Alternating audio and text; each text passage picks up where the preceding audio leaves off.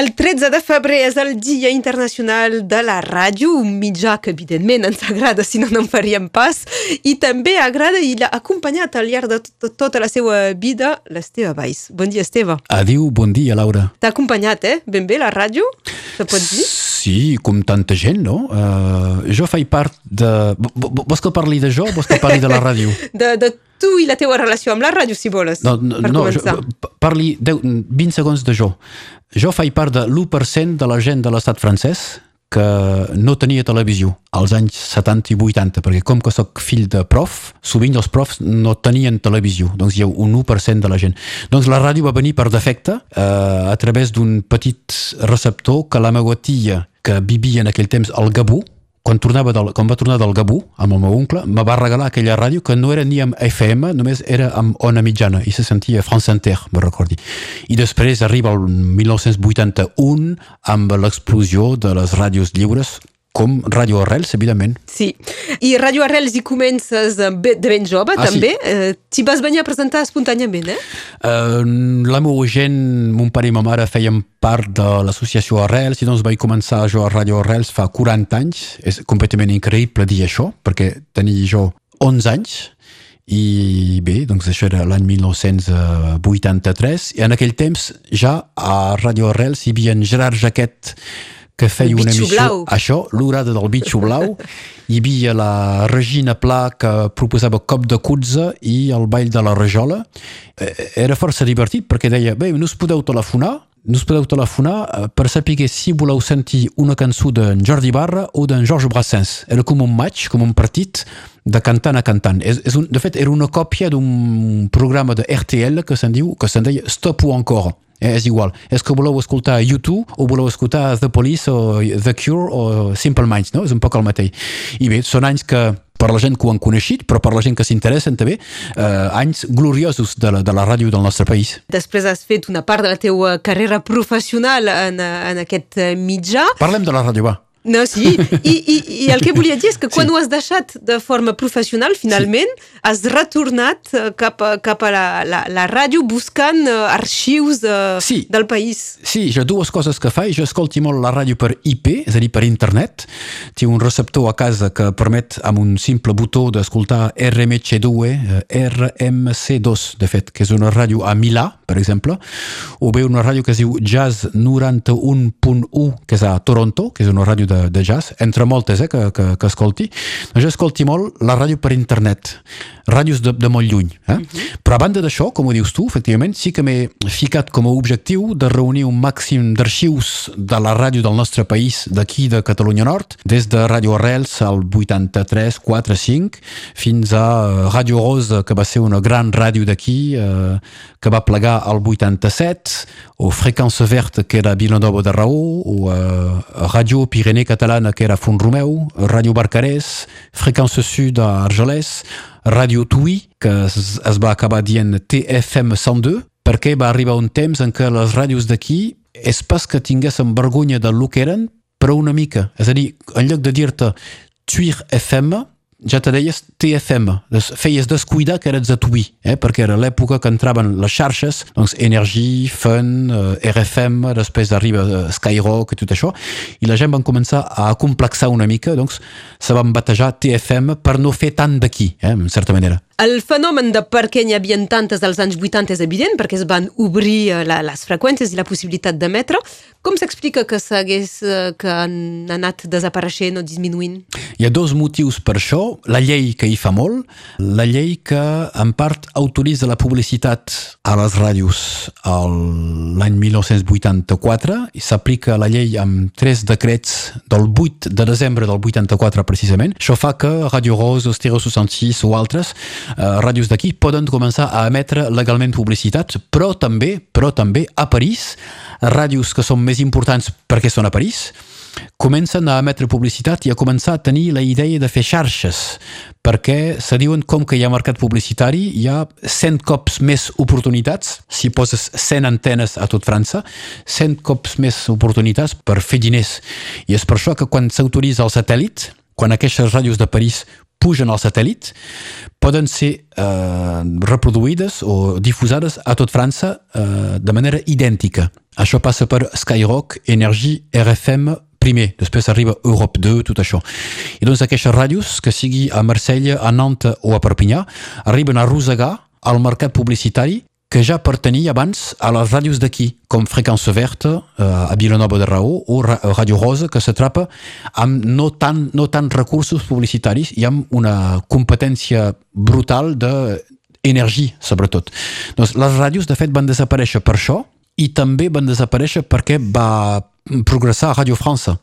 Uh, en el cas és Radio France Roussillon i uh, France Bleu Roussillon, perquè com pleguen les ràdios d'aquí, qui eh, preempta o qui s'aprofita del mercat, que el mercat en aquest cas no pas de diners, eh, sinó d'auditors, qui s'aprofita del el nou costum d'escoltar la ràdio és Radio France, és Radio France Roussillon, eh? perquè deu anys abans la gent no tenia costum d'escoltar la FM per coses divertides, escoltaven France Culture, France Musique i France Inter, però per coses més aviat doctes o coses en tot cas de, de sabidoria o de, de cultura, eh? de, són joies de l'esperit més que joies a seques, no? Eh, no hi havia tant de plaer. Llavors, les ràdios lliures inventen aquest nou costum d'escoltar la ràdio i Radio France s'aprofita aquest nou costum d'escoltar la ràdio, justament. I um, el futur, es parla de, sí. de DAB+, uh, sí. és que el futur de la ràdio se va allunyant de la FM, penses? O... Jo penso que el DAB+, per la gent que ho, ho saben pas el que és, que és la gran majoria, el DAB+, és un quelcom que funciona des de fa 25 anys ja, que a França està arribant aquí a Catalunya Nord, ja va arribar a Montpellier al mes de desembre, eh, que funciona simbòlicament des de fa 25 anys a Barcelona o a París, per exemple, i que és un, la ràdio digital. Eh, la igual, versió de la, la TNT això, igual per la ràdio. La, la TNT o la TDT, que ha permès de tenir moltes més cadenes, la ràdio, la ràdio amb DAB permet de tenir moltes més ràdios, que no són d'aquí, eh, de fet. Això és la diversitat. El que passa és que com que la gent no té receptors i com que la FM ja funciona superbé, jo no hi crec ni un segon en això de, del DAB, però sí que crec que la gent acabarà escoltant la ràdio amb el telèfon o altres sistemes uh, equivalents amb el telèfon, com ja és possible de fer. Eh? Hi ha una, una aplicació que es diu TuneIn, TuneIn, que és a Califòrnia, que funciona superbé, que és gratuïta. O bé, uh, per exemple, hi ha radio, que funciona molt bé, i tants altres sistemes que permeten d'escoltar arrels, per exemple, amb un so superbo, o, uh, que sé jo, si vols escoltar una ràdio de jazz uh, dels Països Baixos, o una ràdio, ràdio clàssica d'Àustria, o una ràdio d'aquí, o si vols escoltar la ràdio pública de València, per exemple, o RAC1, que és una ràdio de Barcelona, ho pots fer també, si vols fer, etc etc. Ah, si vols escoltar una ràdio eh, de, de música lounge, també ho pots fer, etc. I això crec que seria el futur però jo crec que sobretot és a partir de quan serà aquest futur. Això se sap pas i ningú... De fet, hi ha un món així de, de, de màgics, saps? Gent que té un, una opinió sobre de tot i crec que no, no cal escoltar massa massa aquesta gent perquè ningú no sap quin és el futur de la FM i és possible que d'ací 10, 15 anys, 20 anys encara s'escolti ben bé la FM. Vull dir, no, no, no té cap, cap, però, cap però, obsolescència la, sí, la FM. Però, però ja està minvant, és a dir que accepta dins de la botura potser eh, no sé si molta gent posa la ràdio a casa. No sé si és un reflex que encara té molta gent. L'any passat, el 21, el 22, vull dir, mm, al mes d'agost se va produir per primer cop a França, per parlar de França només, que als altres casos no, no els sé, la primera vegada que minvava el consum de ràdio.